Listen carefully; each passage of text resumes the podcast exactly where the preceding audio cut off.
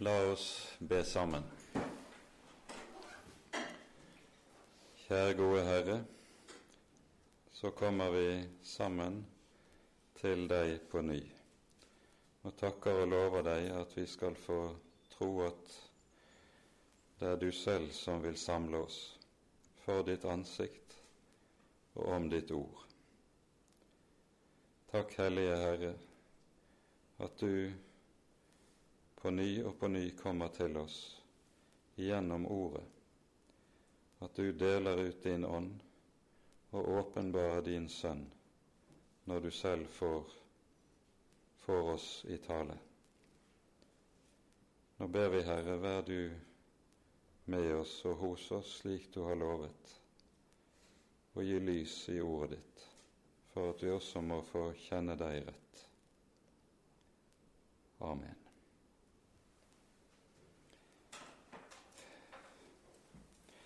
De to uh, siste bibeltimene har vi vært igjennom uh, for det første beretningen om Israels fall med gullkalven, og hva denne synd innebærer.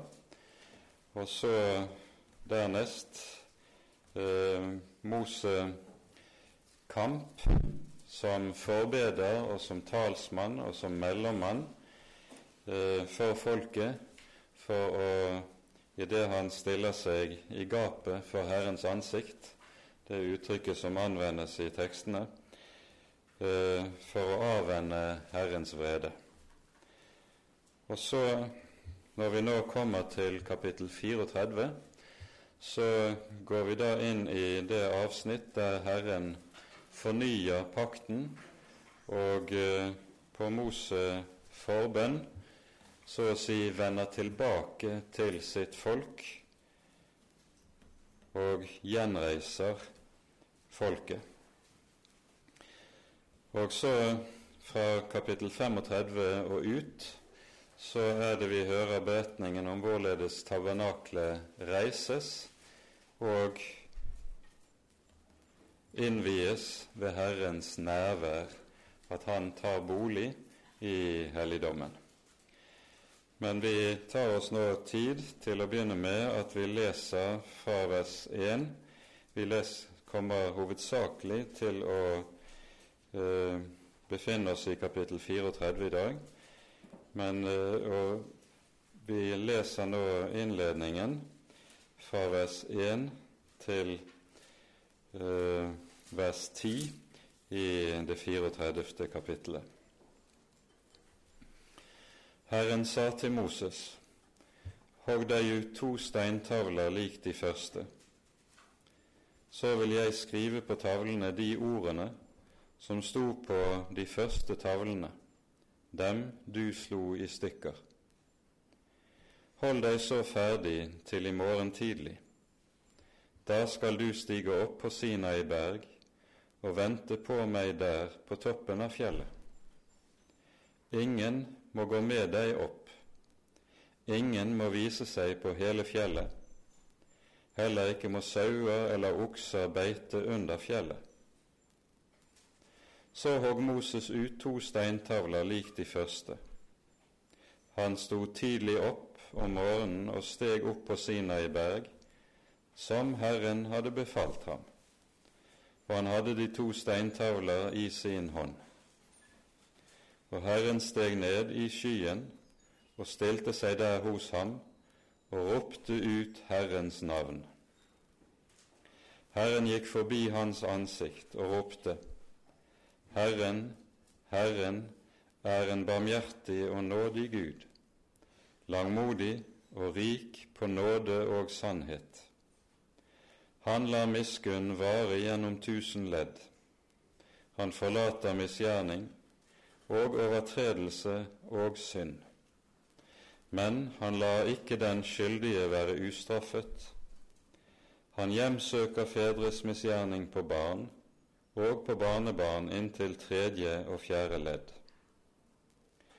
Og Moses bøyet seg straks til jorden og tilba, og han sa, Herre, dersom jeg har funnet nåde for dine øyne, så gå med oss, Herre, for vel er det et hårnakket folk, men du vil jo tilgi oss vår misgjerning og vår synd, og gjøre oss til din eiendom. Og Herren svarte, Se, jeg vil gjøre en pakt.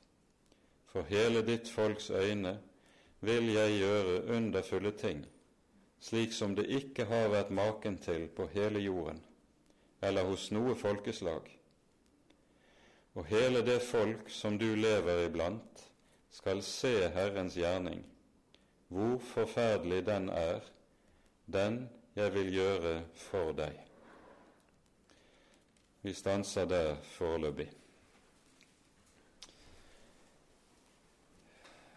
Da Israel hadde falt i synden med gullkalven, da skjer jo altså det at når Moses kommer ned fra Sinai og ser hva som har skjedd, så knuser han steintavlene, og dette blir på mange måter så å si også det grunnleggende bildet på at pakten er brutt.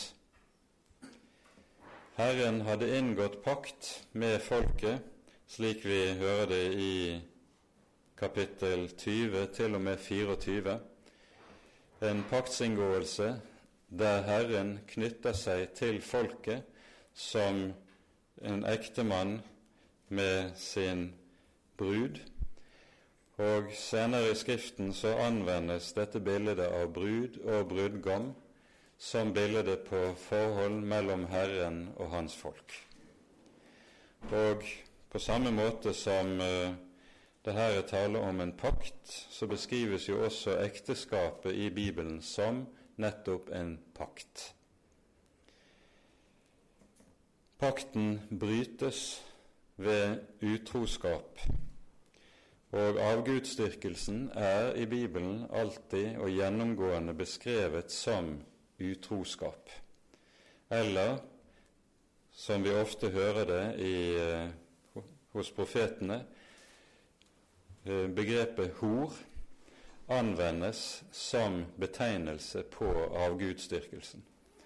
Det er også det vi ser når vi kommer litt lenger ut i dette kapitlet som vi her er inne i, når Herren advarer folket mot avgudsdyrkelsen, så brukes nettopp betegnelsen hor eller horeri flere ganger. Vi kommer til det. De første steintavlene som var knust, de var det Herren selv som hadde gjort i stand.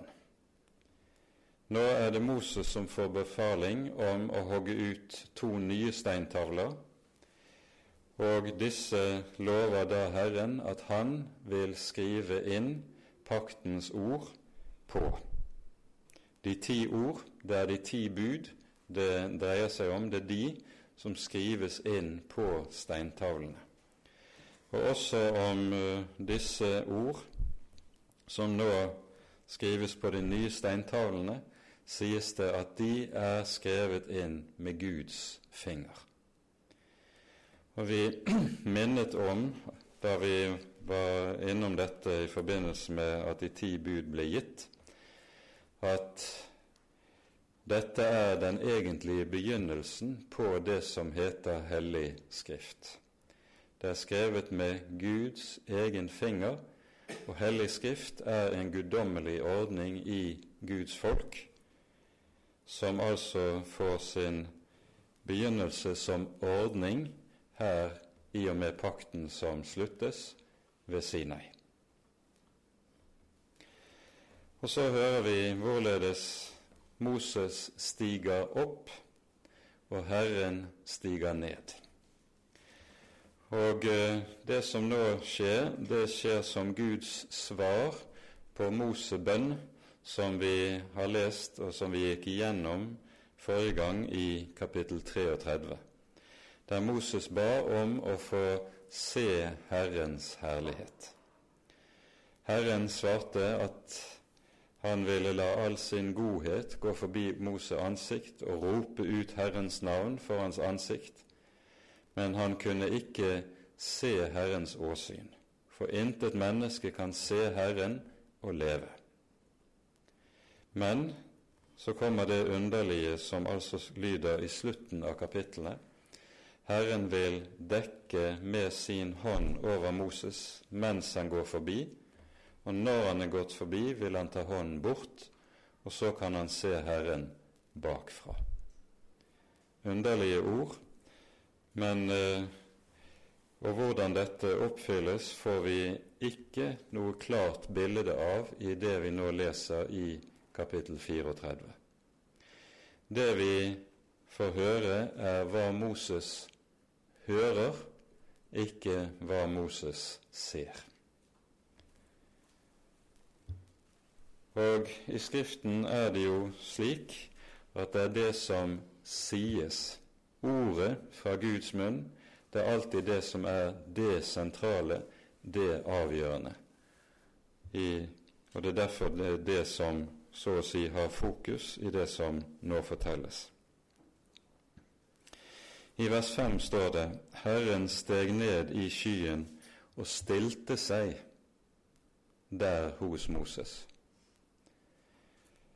Og så står det at han ropte ut Herrens navn. Herren roper ut Herrens navn. Det er også en underlig formulering som er vel verd å tenke over. For her ser vi et trekk ved noe som ofte dukker opp i Skriften i Det gamle testamentet, i det Herren både er subjekt og objekt i det som sies eh, i de aktuelle vers. Dette er noe av Det gamle testamentets eh, måte å tale om treenigheten på, i det Herren altså har begge disse stillingene både som subjekt og objekt i setningene. Vi har ikke tid til å gå nøyere inn på det i, i dag, men jeg henleder oppmerksomheten på det. Og Så er det vi altså hører det som lyder fra vers 6 og vers 7, og som har vært kalt for Det gamle testamentets lille bibel. Her vil jeg bare peke på et par hovedsaker som vi ikke rakk å stanse opp for forrige gang. For det første er det sånn at det som står i vers 6, eh, bokstavelig i grunnteksten står, eh, står noe annerledes. Det står 'Herren, Herren Gud er en barmhjertig, er barmhjertig og nådig, langmodig og rik på nåde og sannhet'. Det brukes altså tre betegnelser om Herren som stilles ved siden av hverandre. Og både i eh, en del av jødisk tradisjon, den eldste jødiske tradisjon, og i den gamle kristne tradisjon har dette vært sett på som vitnesbyrd om en trefoldighet i Gud, som på denne måten åpenbares. Herren, Herren Gud, er barmhjertig og nådig, osv. For dette er noe du ser relativt hyppig i Det gamle testamentet, at Gud betegnes ved hjelp av tre gudsbetegnelser som fyller, følger på hverandre i rekkefølge i samme vers. Det kan på oss, ut fra vår språkfølelse, virke både unødvendig og overflødig, men det hører med til en viktig side ved den gammeltestamentlige Guds åpenbaring at Gud omtaler seg selv på denne måten, og på denne måten peker hen imot en trefoldighet i seg selv. Det samme gjelder f.eks. også i eh, eh, det verset i 5. Mosebok kapittel 6 der vi finner eh, ordet som kalles for Israels trosbekjennelse. Hør, Israel, Herren vår Gud, Herren er én. Eh, her er det i vår oversettelse gjort om til setninger, mens det bokstavelige i grunnteksten er slik at det står tre gudsbetegnelser, Herren, Herren, Gud, ved siden av hverandre uten noe eh, verbal i, eh, imellom eh, de tre gudsbetegnelsene. Samme sak ser vi altså i en rekke andre sammenhenger, også i Skriften, vi, og det er viktig å være oppmerksom på akkurat dette. Så gikk vi mer detaljert igjennom vers 6 og 7, det som sies om Herrens nåde i uh, disse versene sist gang. Her vil vi bare peke på at det som her sies om Herren, at Han er barmhjertig, nådig, langmodig og rik på nåde og sannhet, det er en utleggelse av hva som ligger i Guds eget navn. Det er altså Herren selv som utlegger og forklarer hva Hans eget navn betyr og innebærer. Og Her er det sånn, og dette er noe man har vært klar over lenge også i jødisk tradisjon, at de enkelte Guds navn betegner ulike sider ved hvem Gud åpenbarer seg som. Det ordet som vanligvis oversettes i våre bibler som Gud, El eller Elohim på hebraisk, det betegner Gud som den allmektige, eh, som skaperen, han som har all makt i himmel og på jord. Mens det gudsnavnet som åpenbares ved tårnebusken for Moses, og som er det som her gjentas to ganger i vers 6, Herren, Herren, det er det navnet som betegner Gud som paktens Gud og som nådens Gud. Og her er det viktig at når man leser Bibelen, så er man oppmerksom på hvilke navn og betegnelser som anvendes på Herren i de ulike sammenhenger i bibelteksten. For navnene som Herren setter på seg selv, er helt avgjørende for forståelsen av det som ellers sies i teksten og i åpenbaringen. Det er det navnet JHVH som aldri ble uttalt på hebraisk, men uh, og som uh, i hele den jødiske tradisjonen, en tradisjon som følges i Det nye testamentet, uh, har det med seg at en satte inn en annen betegnelse i stedet, Adonai, som betyr Herren, når du oversetter det direkte. Eh, vi ser også i Det nye testamentet at apostlene ikke noen gang uttaler eh, det hellige Guds navnet, eh, men følger det som er og var jødisk praksis på dette området. Aller klarest blir dette i den teksten vi har i Filippabrevet 2, der det taler om Kristi fornedrelse og opphøyelse, og så sies det der i slutten av eh, denne hymnen i, i Filippane 2 fra vers 5 til 11. Derfor har også Han gitt ham det navn som er over alle navn.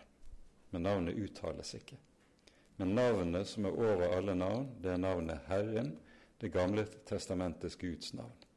Kristus bærer Det gamle testamentets Guds navn. Det er det som er poenget i det. Og med Sterkere kan det ikke sies at han er Herren, Det gamle testamentets Gud. Når Herren slik har åpenbart seg, så hører vi Moses bøyer seg, eh, faller til jorden, står det bokstavelig i grunnteksten, og tilber. Og så lyder det, Herre, dersom jeg har funnet nåde for dine øyne, så gå med oss. Det er jo det som har vært noe av hovedinnholdet i den bønnen Moses ba, som vi hørte også i kapittel 33. Her gjentas samme begjæring fra Moses sin side. Men det Moses nå gjør, det er at han legger til noe som ikke han selv har vært inne på tidligere, men som Herren har sagt. Herren sa i kapittel 32 i forbindelse med fallet om gullkalven Jeg har lagt merke til dette folk, at det er et hårnakket folk. La nå meg være alene, så jeg kan ødelegge dette folk, og så vil jeg i stedet gjøre deg til et stort folk. Det sier Herren til Moses. Og så er det Moses trer imellom som mellommann og går i forbønn for folket. Nå sier Moses det som Herren sa. Dette folk er et hårnakket folk. Med andre ord skal folket kunne i det hele tatt overleve, bli stående som folk, er det avhengig av at Gud er den han er, som Gud er den han har åpenbart seg for, eller som, i disse versene som vi her har lest. Den som utsletter overtredelse og misgjerning og synd, som er stor i nåde, som er rik på trofasthet. Og det er dette Moses nå appellerer til hos Gud. Hvis det er slik at du er dette som du her har åpenbart deg som, så er det vel slik at folket er et hårnakket folk. Men da er vi også avhengig av at du tilgir, forlater og utsletter vår misgjerning. Og Legg merke til at Moses sier 'vår'. Han sier ikke 'deres', men han sier 'vår'. Og gjør oss til din eiendom. Og så er det Herren svarer, 'Se, jeg vil gjøre en pakt'. Og med det svarer Herren at nå gjenreiser og fornyer Han den pakten som var brutt ved fallet. Og det som så følger i eh, kapittel 34, eh, er en konkretisering av hva eh, paktsvilkårene innebærer for Israels del. Men hele pakten hviler på at Herren er miskunnelig mot et hårnakket folk.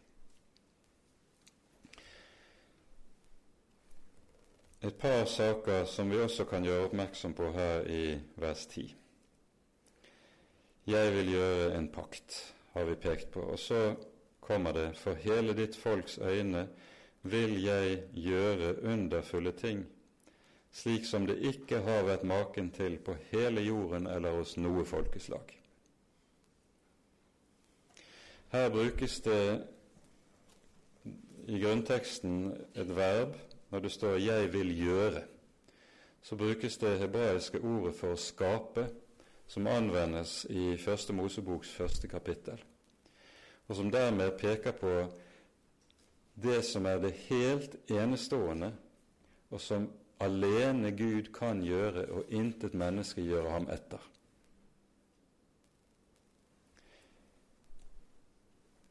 underfulle ting.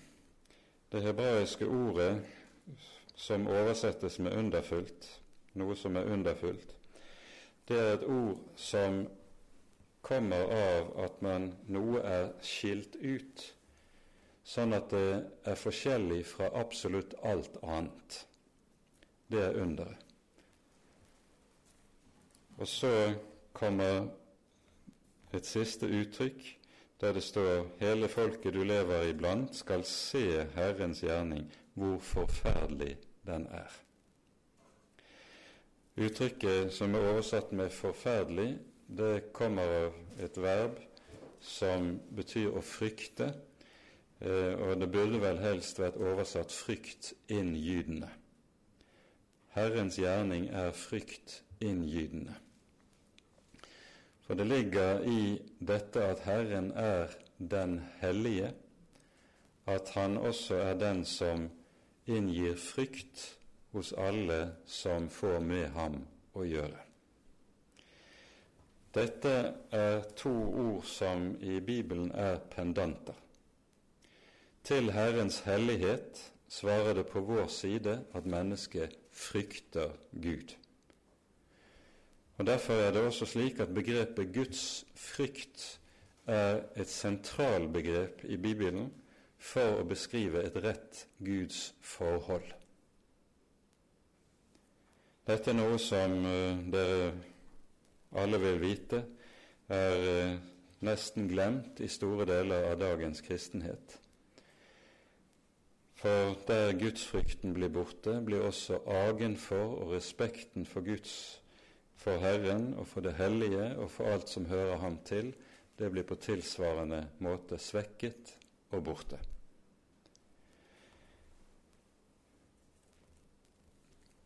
Dette som vi her hører, det er noe som uh, også markeres meget sterkt i forbindelse med paktsinngåelsen. Når Moses nå på ny skal opp på berget, Herren fornyer pakten, så markeres det, sies det uttrykkelig, ingen skal komme nær fjellet. Ingen skal gå opp på fjellet. Heller ikke verken sauer eller okser eller noe dyr skal komme nær. Til hellighet hører utskillelse og grenser. Så leser vi videre, og nå leser vi avsnittet som går fra vers 11 til og med vers 17. Merk deg nøye det jeg befaler deg i dag. Se, jeg vil jage amorittene og kananittene og hetittene og ferisittene og hevittene og jebusittene bort for deg. Vokt deg, så du ikke gjør noen pakt med innbyggerne i det land du kommer til, for at de ikke skal bli en snare iblant dere. Dere skal rive ned deres altere, dere skal slå i stykker deres billedstøtter, og dere skal hogge ned deres astarte bilder. Du skal ikke tilbe noen fremmed gud, for Herren heter nidkjær. En nidkjær Gud er Han. Vokt deg så du ikke slutter noen pakt med innbyggerne i landet, for de vil drive avgudsdyrkelse og ofre til sine guder, og når de da innbyr deg, vil du ete av deres offer og du vil ta koner blant deres døtre til dine sønner, og deres døtre vil drive hor med sine guder og få dine sønner til å gjøre det samme. Støpte gudebilder skal du ikke lage deg.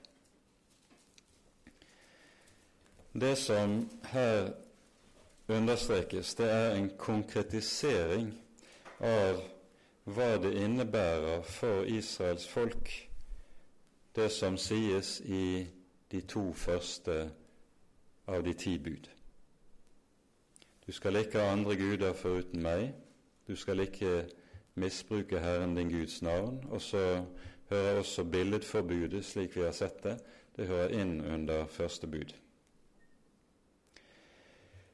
Og det Herren her søker å gjøre, det å verne folket imot den fristelse som forbindelsen med kananittene ville komme til å innebære for dem. Du skal ikke inngå pakt med dem. Og Årsaken ligger ikke i noen form for rasisme, men ligger i dette at den kananittiske gudsdyrkelsen ville stadig komme til å representere en veldig åndelig fare for Israels folk dersom de hadde sluttet pakt, sluttet fred med kananittene.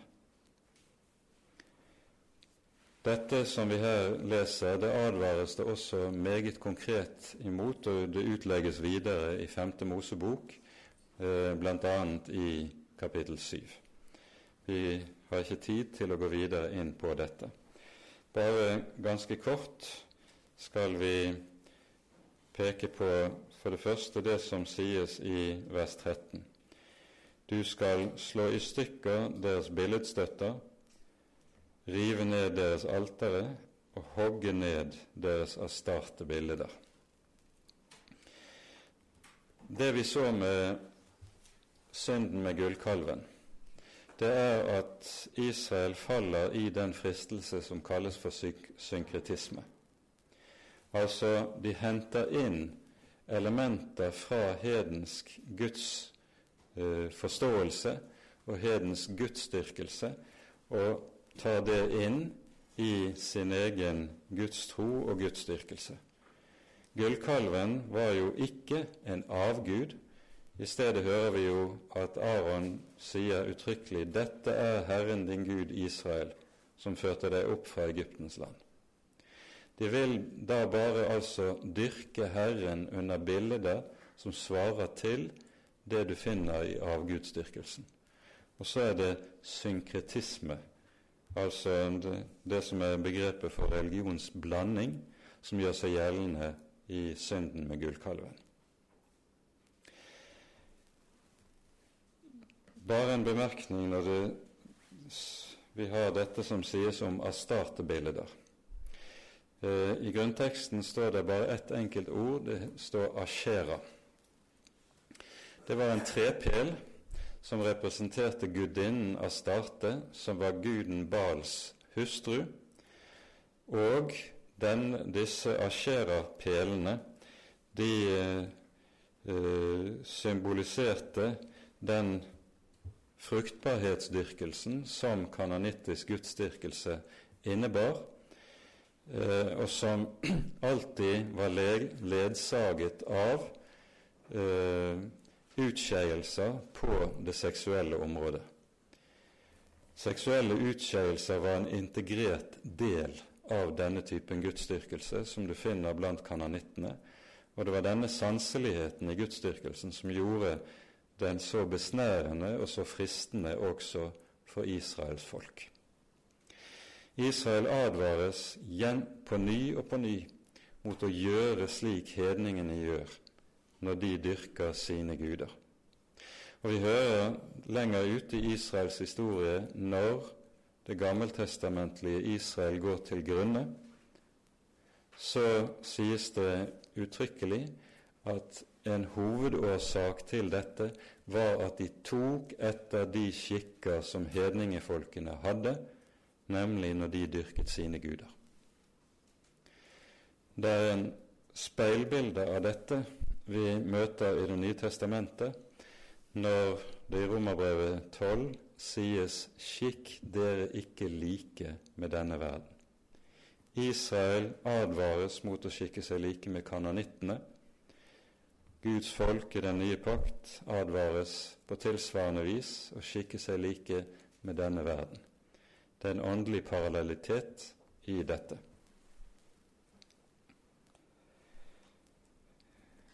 Det er dette som altså også er bakgrunnen for advarselen mot inngifte mellom Israels folk og de ulike kanonittiske folkeslagene.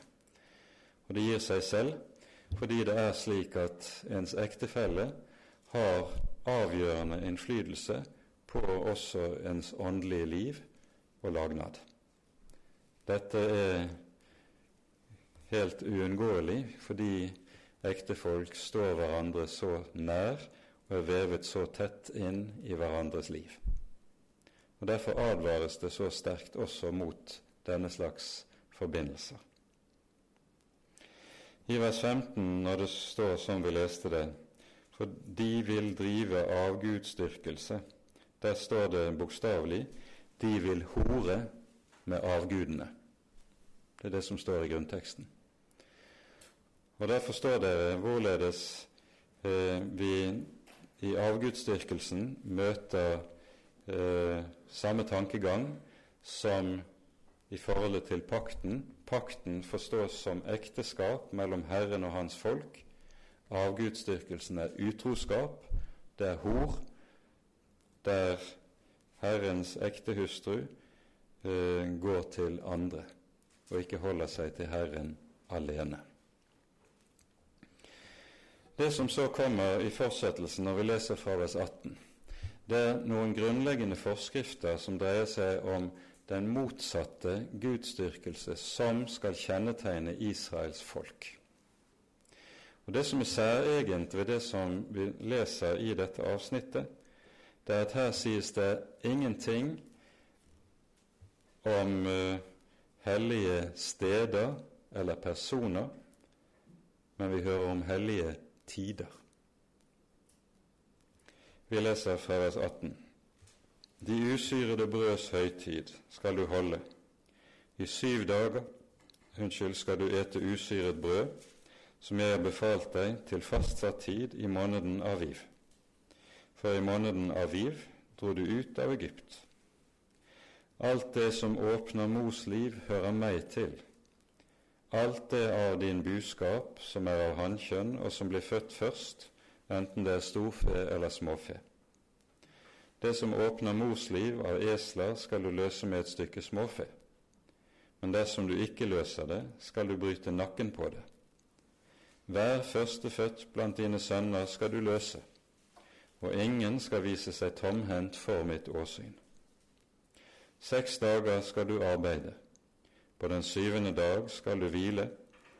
Om det så er i vårånden eller høstånden, så skal du holde hviledagen. Ukenes høytid skal du holde når du får førstegrøden av hvetehøsten, og innsamlingens høytid når året er omme. Tre ganger om året skal alle menn blant dere vise seg for Herren, Herrens, Israels Guds åsyn. For jeg vil jage hedningene bort for deg og utvide ditt land. Og ingen skal ønske å ta ditt land mens du går opp for å vise deg for Herren din Guds åsyn tre ganger om året. Du skal ikke ofre blodet av mitt slakteoffer sammen med syret brød, og påskehøytidens slakteoffer skal ikke bli liggende natten over til om morgenen. Det første av din jords førstegrøde skal du bære til Herren din Guds hus. Du skal ikke koke et kje i dets mors melk. Dette er noen hovedforskrifter, og det vi merker oss, det er at det understrekes først og fremst de hellige tider. Det er tale om sabbaten, den hel, eh, høytid som ukentlig eh, går igjennom hele året. Det er tale om påskehøytiden. Det begynner med den, og det, nevner, det gjentas lovgivningen om de førstefødte, som også gis i forbindelse med lovgivningen om påsken i kapittel 12 og 13 tidligere i Moseboken. Det er tale om ukenes høytid. Det er Det gamle testamentets navn på pinsehøytiden, som altså faller 50 dager etter påskehøytiden. Og så har vi den høytid i vers 22 som kalles innsamlingens høytid, eller i noen bibeloversettelser står det frukthøstens høytid. Det er tale om løvhyttefesten på høsten. Det er de tre høytider, påske, pinse og løvhyttefest, folket skal dra opp til Herrens helligdom og vise seg for Herrens åsyn.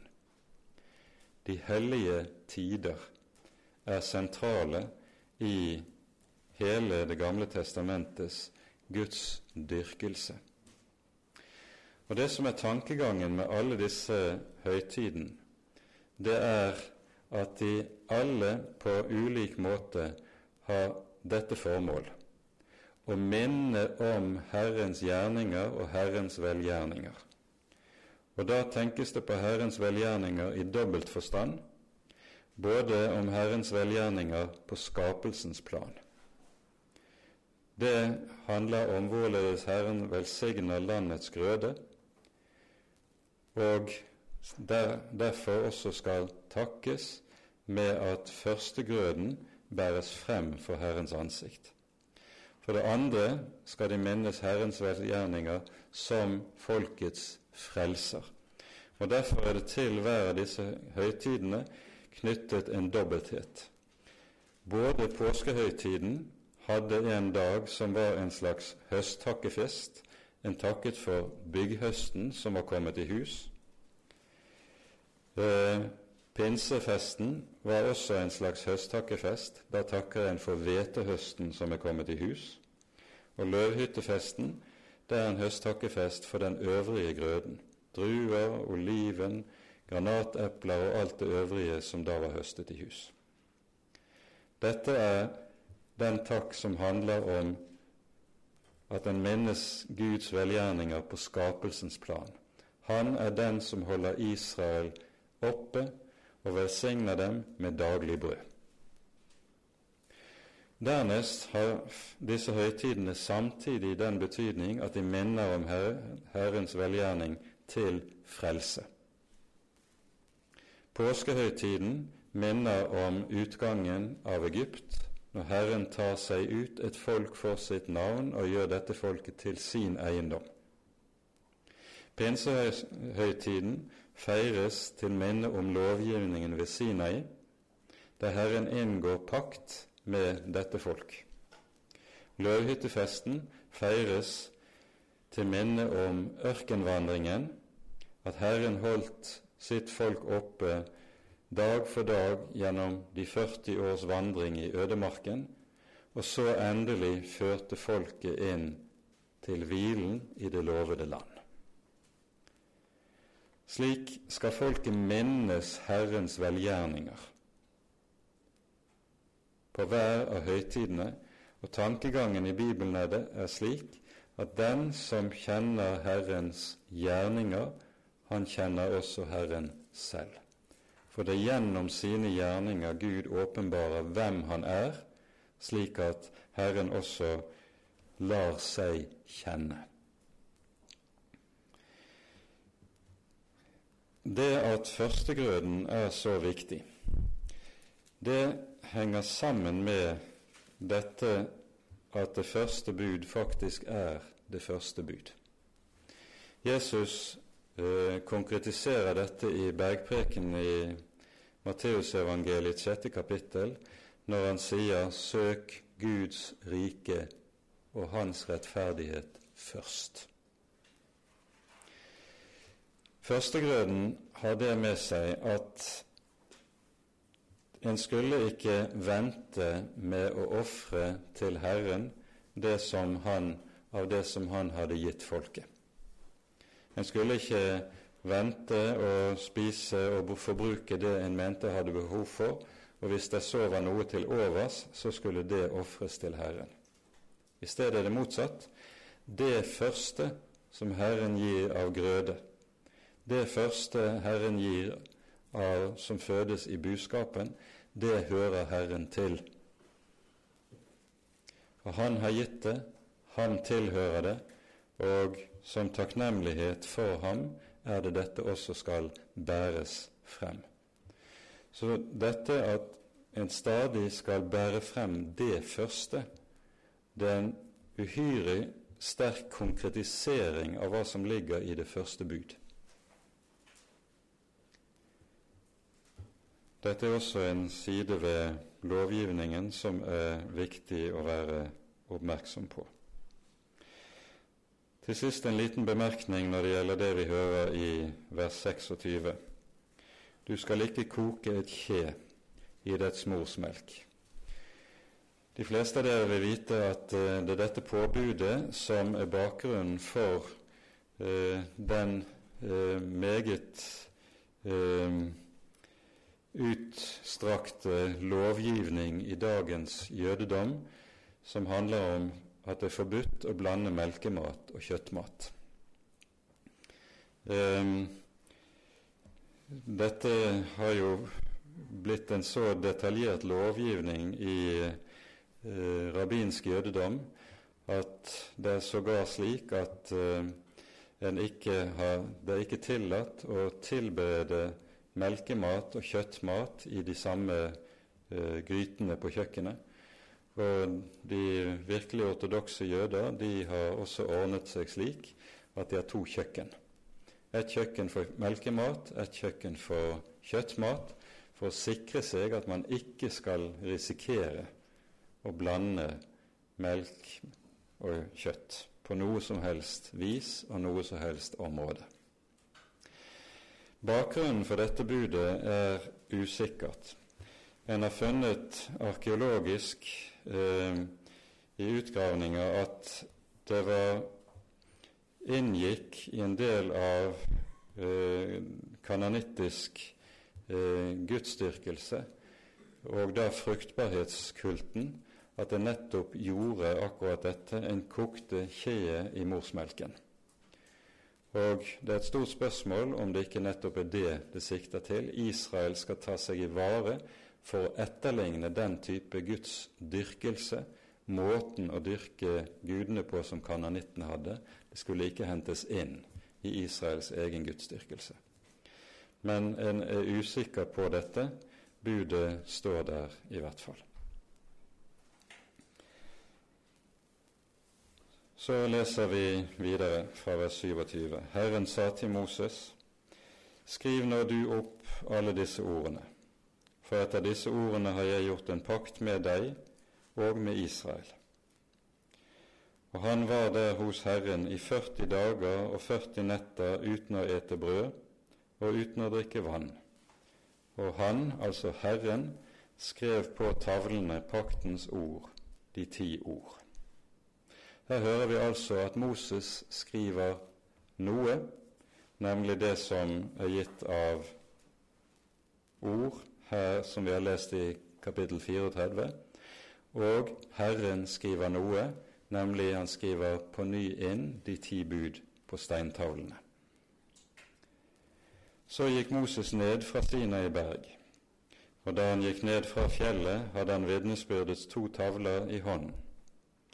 Men Moses visste ikke at hans ansikts hud skinte, fordi han hadde talt med ham. Og Aron og alle Israels barn så at huden på Moses ansikt skinte, og de fryktet for å komme nær til ham. Men Moses kalte på dem, og da vendte Aron og alle menighetens høvdinger tilbake til ham, og Moses talte til dem. Deretter kom alle Israels barn bort til, og han la frem for dem alle de bud Herren hadde gitt ham på Sinai berg. Og da Moses var ferdig med å tale til dem, la han et dekke over ansiktet. Men når Moses gikk inn for Herrens åsyn for å tale med ham, tok han dekket bort til han gikk ut igjen. Og når han kom ut, talte han til Israels barn om det som var sagt ham. Da så Israels barn at huden på Moses' ansikt skinte, og Moses la igjen dekket over ansiktet til han gikk inn igjen for å tale med Herren. Det at Moses' ansiktshud eh, bærer et gjenskinn etter møtet med Herren her, det har fått et underlig nedslag i Kirkens historie i det det er slik at i Vulgata, den latinske oversettelsen av Det gamle testamentet, som har vært eh, Romerkirkens offisielle oversettelse, der oversettes det at ansiktshuden skinte med at Moses hadde fått horn på sitt ansikt.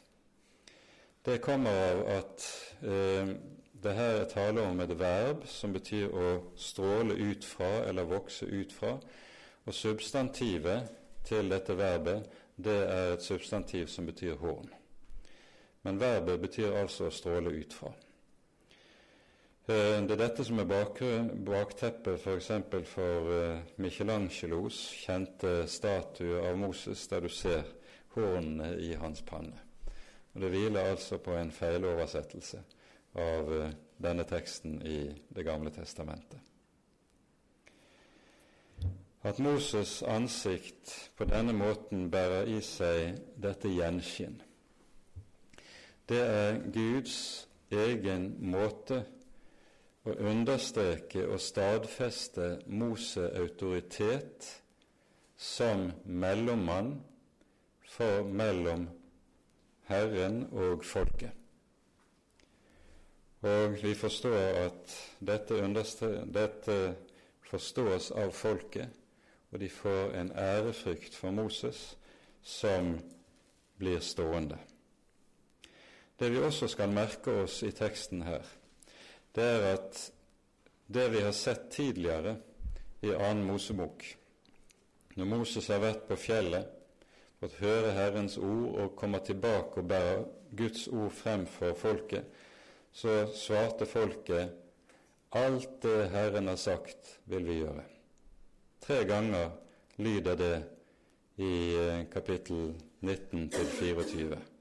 Folket svarer høytidelig alt Herren har sagt, vil vi gjøre.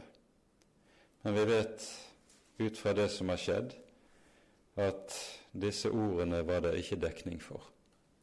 Når Moses nå vender tilbake, så er folket stille. Det kommer ikke lenger slike store og høytidelige ord fra folkets munn. Det som i stedet skjer, det er at når vi nå kommer til kapittel 35, hører vi det gis befaling om hvorledes tabernaklet skal reises. Og det holdes en innsamling av de ulike effekter og gjenstander som skal anvendes til reisingen av tabernaklet. Og det sies med gjentatte ganger, jeg tror det er tre ganger i kapittel 35, det sies folket gir med villig hjerte. Det har skjedd noe med folket etter at de er falt, etter at de er gjenreist og blitt tilgitt, tilgitt og på ny lukket inn i pakten. Det er skapt det som Bibelen kaller for en villig ånd, som gir uten knurr til Herrens gjerning og til Herrens helligdom. Og det bemerkes sågar i kapittel 36 at folket gir så mye at Moses til slutt må si nå må dere slutte å gi, for nå er det langt mer enn det behøves. Men denne villige ånd, som Bibelen taler om relativt ofte, den er en ånd som spirer frem nettopp av syndenes forlatelse. Og Det er viktig å være oppmerksom på. Vi går ikke inn på hvorledes tabernaklet reises. Vi har gått gjennom hvorledes tabernaklet var eh, innredet og skulle se ut med dens ulike gjenstander. Vi skal bare peke på to saker. Det første er at Herren peker ut to menn som får i oppgave å lede arbeidet med å gjøre ferdig eller ferdigstille helligdommen. De heter, som vi hører i kapittel 36, Besalel og Holiab. De kalles kunstforstandige menn. Og her, Det vi her får øye på, det er at det som vi kaller kunstnergave, det er en gave og en utrustning som er gitt av Herren selv, en evne til å gjøre eh, kunstferdig noe som andre mennesker ikke har. Herren har gitt denne gave til noen mennesker, og denne gave er en stor gave som, når den dukker opp, gir grunn til takknemlighet. Vi ser den jo ofte også i Kirkens historie, både når det gjelder musikk, når det gjelder dikterkunst, også når det gjelder billedkunst. Dette er en Herrens gave som Guds folk skal vite å verdsette. Her er det jo for øvrig rent kirkehistorisk en veldig forskjell på den lutherske kirke og den reformerte kirke. Calvin kastet ut av kirkene alt som het kirkekunst, og kunne minne om kirkekunst. Luther tenkte motsatt, og hadde nok også det vi her leser i Andre Mosebok, i minne. Kunstnergaven er en Guds gave når den anvendes til Guds ære. Vi går ikke videre inn på det her, men gjør bare oppmerksom på dette og så hører vi i kapittel 40. I den første måned, på den første dag i måneden, skal du reise tabernaklet, sammenkomstens telt. Du skal sette vitnesbyrdets ark og dekke for arken med forhenget. Nå er det gått ett år siden Israel dro ut av Egyptens land. Og på ettårsdagen etter utgangen av Egypt er det tabernaklet er ferdigstilt og reises. Israel har altså befunnet seg knapt et år ved Sinai berg. Og når vi kommer til eh, eh, kapittel 10 i Fjerde Mosebok, så hører vi at litt over en måned etter at tabernaklet er reist, får folket befaling om å bryte opp fra Sinai og dra nordover med tanke på veien til det lovede land. Men hele den lovgivning som vi finner i Tredje Mosebok, den gis altså i perioden, antagelig, mellom det at tabernaklet er reist, og at folket så bryter opp. Men det taler om altså at folket totalt befinner seg ca. ett års tid her ved Sinai.